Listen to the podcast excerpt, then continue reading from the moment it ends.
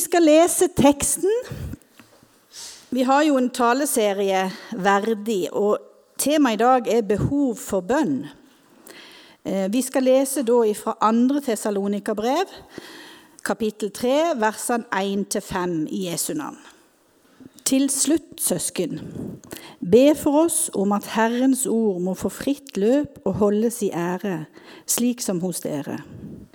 Og be om at vi må få bli reddet fra dårlige og onde mennesker, for det er ikke alle som tror.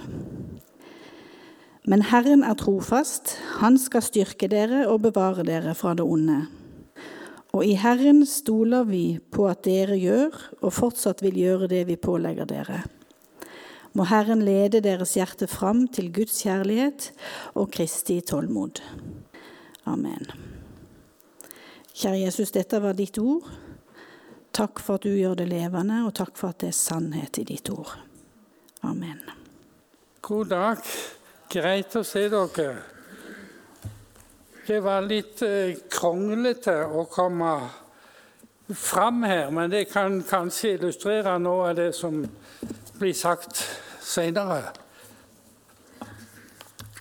For um, Toril leste om at det fantes onde mennesker som prøvde å hindre det ordet i å komme fram. Vi har jo i høst hatt en serie med taler som har hatt utgangspunkt i, i Pauli brev til menigheten i Tessalonika. Det var på den andre misjonsreisa at Paulus kom til Tessalonika. Og det ble starten på ei ny menighet. Men pga. spesielle hendelser så måtte han forlate byen etter kort tid. Egentlig så hadde han vært der altfor kort tid til at han kunne føle seg trygg på at det han hadde formidla, at det skulle være nok til å at menigheten hadde nok ballast til å kunne vokse videre i Guds nåde. Og Noen kom fra hedensk bakgrunn. Noen var opplært i jødedommen. Så i det, det nye evangeliet det var fremmed for begge grupper. Derfor skrev han dette brevet, der han fortsatte med å undervise om sentrale deler av Guds vei for at mennesket skulle komme til Han. Og Nokså snart så fikk han tilbakemelding om at utviklinga i menigheten den var tilfredsstillende. Men det var en del misforståelser, og han sendte så et nytt brev etter kort tid for å presentere hva han egentlig mente. Og Med utgangspunkt i disse to brevene så har en gjennom høstens taler belyst sentrale deler av kristenlivet. Og Vi er nå altså kommet til det andre brevet, og ut fra det tredje kapitlet så, vi, eh, så er jeg bedt om å holde en tale med overskriften 'Behov for bønn'. Og Vi har alt hørt lest de første fem versene fra dette kapitlet. Og Da vil jeg begynne med to spørsmål. Hvor er bønn? Og har vi behov for bønn? Da jeg gikk til konfirmasjonsforberedelse, så lærte jeg at bønn var hjertets samtale med Gud. Trenger vi det?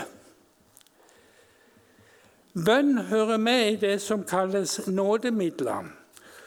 Og I katekismen så står det at nådemidler det er et hjelpemiddel som Gud bruker for å nå oss mennesker og føre oss til seg. Og bevare oss og styrke oss i troen. Og da vil jeg tro at alle som ønsker å leve et godt liv etter Guds vilje, har behov for bønn. Bønn er altså et av nådemidlene som Gud bruker for å forme oss etter sin vilje og trekke oss nærmere til seg. De andre nådemidlene det er gudstjeneste og Bibel, forutenom sakramentene, dåpen og nattverden. Og alle disse tingene bør vi bruke regelmessig hvis vi ønsker at Gud skal bruke oss i sin tjeneste blant de mennesker vi møter. Og på ungdomssamlinger for 60-70 år siden så ble vi stadig minnet om denne sannheten da vi sang et engelsk kor som lyder sånn Read your Bible, pray every day, and you will be blessed. Altså, les Bibelen, be hver dag, så blir du velsigna. Og det er like sant i dag som da vi sang det i min ungdom. Og det er en ting som jeg vil oppmuntre alle til å praktisere. Les Bibelen og be hver dag. Når vi leser evangeliene, så kan vi se at Jesus stadig trakk seg tilbake og snakka med Gud før han oppsøkte de som han skulle komme i kontakt med den dagen. Som han trengte denne morgensamlinga for fortsatt å kunne tjene menneskene og vise dem Guds kjærlighet. Jesus var avhengig av sine tider alene sammen med Gud. Og uten det så vil han gå tomt. Han vil ikke ha makta å gå veien som førte til vår frelse. Og disiplene hadde oppdaga hvor avhengig Jesus var av bønnen. Derfor kom de med en anmodning til han når de sa, 'Herre, lær oss å be'. En gang da Jesus tok med seg tre av disiplene opp på et fjell, så ble de som var igjen på bunnen av fjellet, oppsøkt av en far som hadde en sønn med epilepsi, og som ville at disiplene skulle be for denne gutten. De ba for han, men ingenting skjedde. Og da Jesus kom ned igjen, så brakte faren sønnen sin til Jesus. Da ble sønnen helbreda. Og når de så senere ble alene med Jesus, så spurte de hvorfor skjedde ingenting da vi var på samme måte som, du, som jeg har sett at du gjør mange ganger. Da svarte Jesus at når en vil gjøre Guds gjerning, så må en være innvia til Gud gjennom bønn og faste. For det er ikke de som utfører gjerningen, som skal ha æren. Det er det Gud som skal ha. Og for at vi skal gjøre Hans tjeneste, så må vi være fullt og fast innvia til Han. Og I min oppvekst så sang vi ganger sang som minner om dette, der vi i koret sang Dypere inn i bønnen, fylle den må ditt sinn. Skal du fremgang få, må i bønn du gå. Dypere, dypere inn. Og I skriftlesinga i dag så hørte vi at Paulus ba menigheten i Tessalonika om forbønn for seg og teamet sitt. Men det var ikke bare for personene i teamet han ba om forbønn for. Hans anliggende var at Herrens ord må få fritt løp og holdes i ære. Jeg har nevnt at det var på den andre misjonsreisa at Paulus kom til Tessalonika og at det hadde vært mange slags opplevelser på veien der. Da de starta på den andre misjonsreisa, så var formålet å besøke de menighetene som han hadde vært og besøkt på første reise. For han skulle styrke og oppmuntre dem. Men etter en kort tid på reise i Lille Asia så ga Den hellige ånd de ikke lenger lov til å fortsette å gjøre det. I stedet så fikk Paulus en drøm, og der fikk han et kall om å reise til Makedonia og forkynne evangeliet der. Og så reiste han der og havna snart i Filippi, der Paulus helbreda ei trolldomskvinne. Men bakmennene hennes ble så sinte at hele teamet ble kasta i fengsel. Det gikk godt med misjonsarbeidet, men de ble forvist og havna etter en stund i Tessalonika, der akkurat det samme skjedde. Paulus fikk en del tilhengere, men jødene i synagogen likte ikke det. Og de fikk med seg noen av pøbelen i byen. Og det ble et oppstyr som førte til at tilhengerne av Paulus smugla han ut av byen da det ble natt. Og det skjedde igjen flere ganger når de reiste. Det var mange som fikk nytt og forandra liv gjennom Pauli sitt virke i Europa.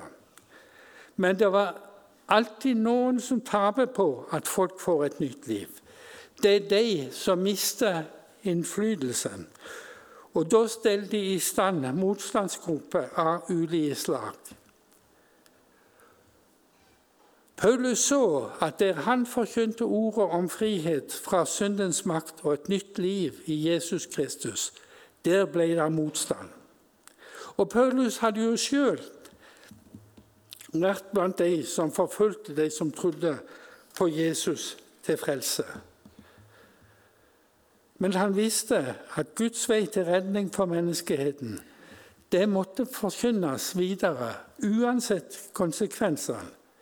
Og Derfor ba han den unge, nye menigheten i Tessalonika om å støtte han i bønn om at Guds ord måtte ha framgang.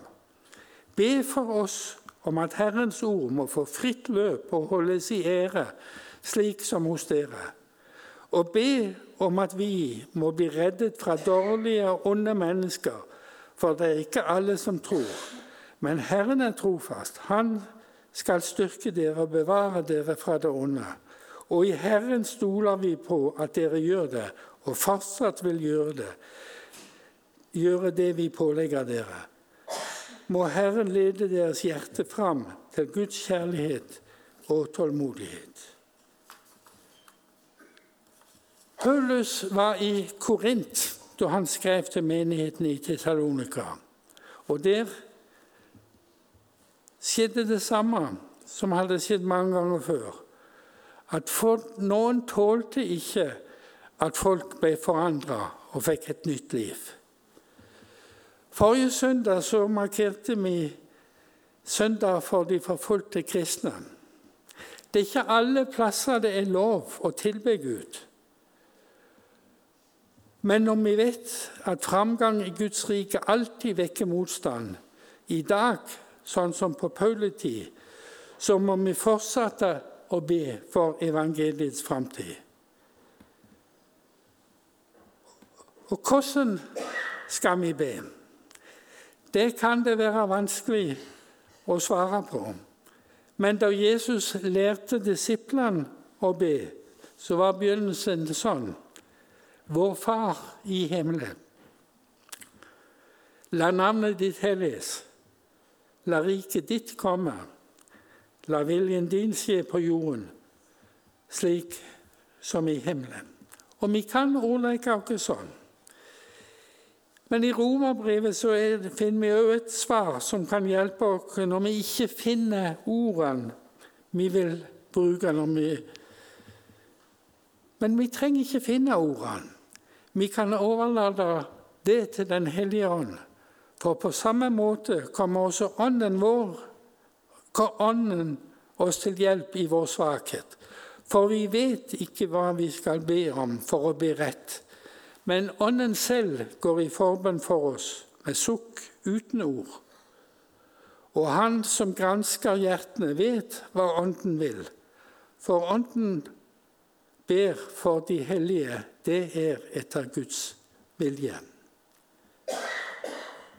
Så oppfordringen til oss i dag er les din bibel, be hver dag, så vil Gud utruste oss og sjøl sørge for evangeliets fremme til Guds ære. Jesus var avhengig av bønn. Paulus var avhengig av bønn. Og det forundrer meg om ikke òg vi er det. Herre, be dere i sammen til din ære. Herre, lær dere uredde å kunne stå fram og peke på deg, deg som verdens frelser. Kom med ditt rike, skje din vilje. Amen.